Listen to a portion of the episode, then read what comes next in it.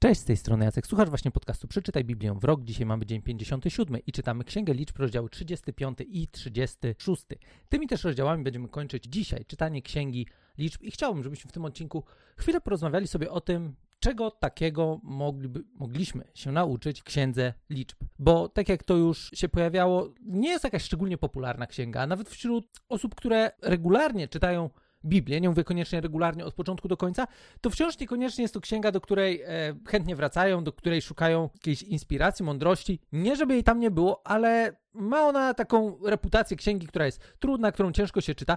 I po tych historiach, które wybiórczo sobie poomawialiśmy w trakcie lektury księgi liczb, widzimy, że to wcale nie jest tak, że rzeczywiście tych liczb jest tam nie wiadomo ile są rzeczywiście spisy ludności, ale nie obejmują one aż tak dużo miejsca. A poza tym mamy masę bardzo ciekawych historii i chciałbym, żebyśmy dzisiaj zadali sobie pytanie, czego my z tych historii możemy się nauczyć. To, co jest bardzo ważne, to jest to, że czas trwania akcji tej księgi to jest około te 40 lat. Tak naprawdę, kończąc księgę liczb, Izrael jest już, jest już przed samym wejściem do ziemi obiecanej. Wiem, że została nam jeszcze jedna księga w pięcioksięgu, zanim Izrael rzeczywiście zacznie zajmować ziemię obiecaną, ale ta ostatnia księga w zasadzie to już będą przemowy Mojżesza, tam już nie będzie jako tako akcji, do której możemy się odnieść w kontekście samej podróży. To jest tak naprawdę już podsumowanie całej historii tego, co się wydarzyło do teraz. To będziemy czytać już od jutra, ale dzisiaj w tej ostatniej księdze kończymy 40-letnią historię Izraela, która pokazała, jak ciężko czasami jest uwierzyć w to, co Bóg ma dla nas przygotowane. Bo tak naprawdę w historii, która dzieje się w Księdze Liczb, na początek spotykamy pokolenie, które wyszło z Egiptu, które widziało Boże działanie, które widziało, jak Bóg ich wyprowadził w naprawdę spektakularny sposób. I jednocześnie jest to pokolenie, które w Księdze Liczb, bardziej niż gdziekolwiek indziej, widzimy, że ciągle narzeka, ciągle ma problemy. I pomimo tego, moglibyśmy powiedzieć, że oni wyszli z Egiptu, to ten Egipt nie do końca z nich wyszedł. Bo oni ciągle gdzieś ten Egipt mieli w sobie, ciągle gdzieś tęsknili za tym Egiptem. I tak naprawdę nie tęsknili za tym, że w tym Egipcie było tak dobrze, choć na to się powołują. Ale wydaje mi się, że tęsknili za tym, że ten Egipt był dla nich przewidywalny. Oni już nauczyli się jakoś funkcjonować w tym Egipcie. Pomimo tego, że oni w tym Egipcie byli w ekstremalnie trudnej sytuacji, to mimo wszystko jakoś sobie z nią radzili. I co ciekawe, modlili się o ratunek, wołali do Boga o ratunek. I Mojżesz był odpowiedzią na wołanie Izraela o to, żeby Bóg zadziałał. I kiedy Bóg zadziałał, to nagle się okazało, że no nie, no ale to, to nie tak, my tak nie chcemy. E, bo to Boże działanie wiązało się też z wiarą z ich strony i z posłuszeństwem Bogu i temu, w jaki sposób Bóg ich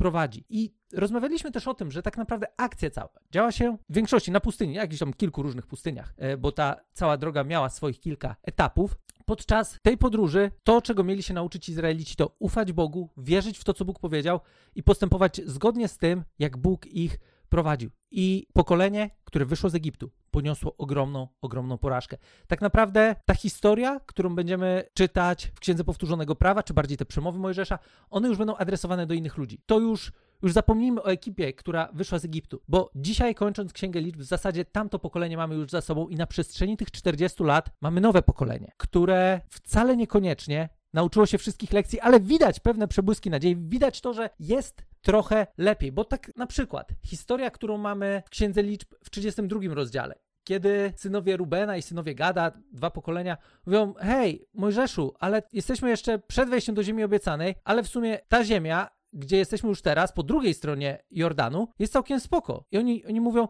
Jeśli znaleźliśmy łaskę w Twoich oczach, ciągnęli, to daj, prosimy, tę ziemię swoim sługom na własność, nie przeprowadzaj nas przez Jordan. Znowu, wiesz, jest ekipa, która to już przerabiali kilkanaście rozdziałów temu. Ale znowu jest, ty, możemy tu zostać? W sumie to po co mamy się pchać? Tu jest całkiem nieźle. No i znowu Mojżesz jest wściekły i Mojżesz mówi, no, no nie, no proszę was, czy znowu, znowu chcecie przerabiać te same lekcje? Czy chcecie tułać się po tej pustyni bez końca? Bo nie może tak być, że wy sobie zostaniecie tutaj, a cała reszta pójdzie i będzie walczyć. I tak naprawdę po tej rozmowie Mojżesza z nimi nagle do, dochodzą do wniosku, że okej, okay, dobra, to wiesz co, to my pójdziemy. W sensie nasze rodziny niech tu zostaną, nasz dobytek niech tu zostanie, ale my będziemy dalej walczyć. I to pokazuje też postawę, w której wydaje mi się, że trochę widać lekcje, które nowe pokolenie wyciągnęło z historii swoich przodków, którzy zwyczajnie mówili, nie, nie, nie da się, zostajemy, nie idziemy, będzie trudno, a ci mówią, no okej, okay, dobra, idziemy walczyć. Ta ziemia jest okej, okay, jeżeli możemy ją sobie zostawić, to spoko, ale my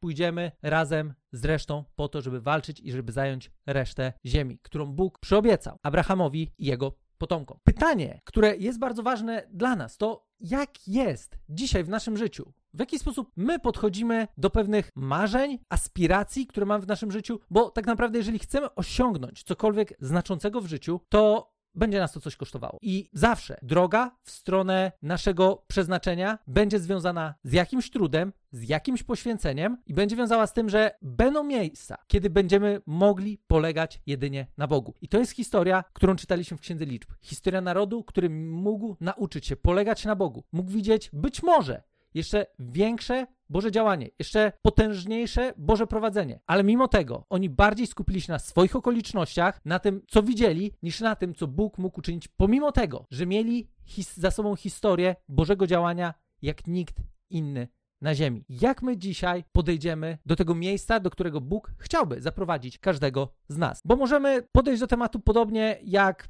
to zrobiła ekipa w 32 rozdziale, gdzie możemy powiedzieć: Zostanę tutaj, tu jest mi dobrze. Pomimo tego, że gdzieś w środku nas jest, jest jakieś takie poczucie, że jest w życiu coś więcej. Mogę coś więcej osiągnąć. Mogę dojść do miejsca, które będzie dla mnie bardziej życiodajne. No ale, ale wiecie, ale to jest okej. Okay. I to jest całkowicie normalne, to jest całkowicie ludzkie, że kiedy już przyzwyczajimy się do jakichś okoliczności, kiedy nauczymy się w nich funkcjonować, to ciężko nam z nich wyjść, tym bardziej, jeżeli te okoliczności nie są jakieś tam problematyczne, wiecie, jest okej, okay, mam, nie wiem, mam rodzinę, mam pracę, co, co miałbym zmieniać, co miałbym zmieniać, jest jakieś grono znajomych, z którymi, z którymi się znałem, przyjaźnimy, spotykamy, wspieramy, czego mi jeszcze więcej w życiu potrzeba? Pytanie, które my możemy sobie zadawać dzisiaj, kończąc Księgę Liczb, to jest, Boże, czym jest ta moja ziemia obiecana? Czym jest to miejsce, do którego Ty chciałbyś mnie zaprowadzić? Gdzie znajdę to miejsce i w jaki sposób mogę tam dojść? Kolejna rzecz, która jest też ważna, to jest to, o czym musimy pamiętać, że Bóg ostatecznie, co widać pięknie w tej księdze, realizuje swój plan pomimo ludzi, którzy się buntują, pomimo ludzi, którzy rezygnują ze swojego powołania. Wiecie, ekipa,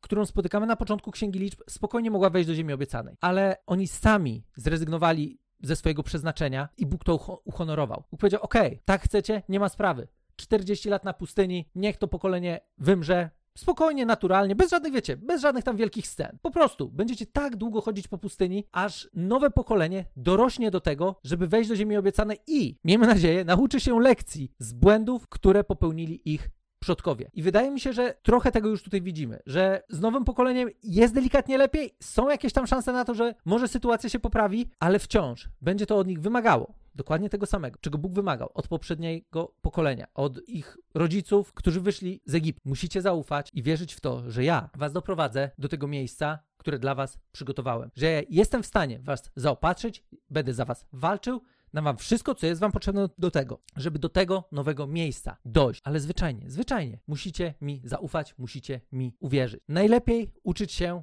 na błędach czyich. Bo po co mielibyśmy uczyć się na swoich błędach? Jeżeli możemy skorzystać z historii ludzi, którzy zwyczajnie nie podjęli najlepszych decyzji. I nie chodzi o to, żeby ich osądzać. Nie chodzi teraz o to, żeby pastwić się nad tymi ludźmi, którzy wyszli z Egiptu i którzy porzucili swoje przeznaczenie którzy zrezygnowali z tej drogi, którą Bóg miał dla nich, bo oni podjęli decyzję. Bóg te decyzje uhonorował i jednocześnie realizował konsekwentnie swój plan, przygotowując kolejne pokolenie do tego, żeby oni poszli dalej niż pokolenie, które było przed nimi. Wiele fantastycznych lekcji za nami w Księdze Liczb. Mam nadzieję, że ta księga dla Was też była ciekawa, inspirująca, że była to dla Was naprawdę wartościowa lektura, z której mam nadzieję że będziecie w stanie też wyciągnąć wartościowe lekcje. Będziecie mogli spojrzeć na swoje życie przez pryzmat historii, którą tam czytamy i zadać sobie pytanie, czy zmierzam we właściwym kierunku, czy wierzę, czy ufam, czy jestem na właściwej drodze do realizacji pełni swojego potencjału, pełni swojego powołania, które Bóg przygotował dla każdego z nas. Mam nadzieję, że ta księga była dla Was wartościowa, że pomimo może ciężkiego początku udało Wam się przeczytać i będziecie czytać dalej, bo przed nami Księga Powtórzonego Prawa, bardzo ciekawa, ogromna ilość mądrości, o czym jeszcze sobie porozmawiamy w kolejnych odcinkach, będziemy robić wstęp do tej księgi, ale historia, która zaczęła się w Księdze Wyjścia, tak naprawdę podróż,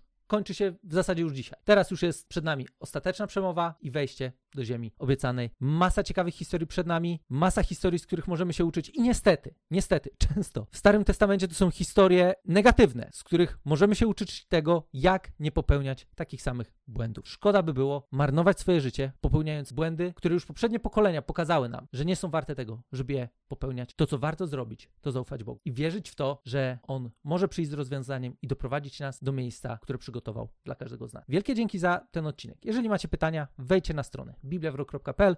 Możecie dołączyć do grupy na Facebooku. Wrzucajcie pytania, dyskutujmy. Dajcie znać, czy czytacie. Dajcie znać właśnie, czy będziecie czytać dalej. Czy kontynuujemy tę naszą przygodę w Biblii razem, żeby w ciągu 365 dni przeczytać Biblię od początku do końca i jak najbardziej z tego skorzystać. Raz jeszcze wielkie dzięki. Do usłyszenia już jutro w kolejnym odcinku, zaczynając Księgę Powtórzonego Prawa.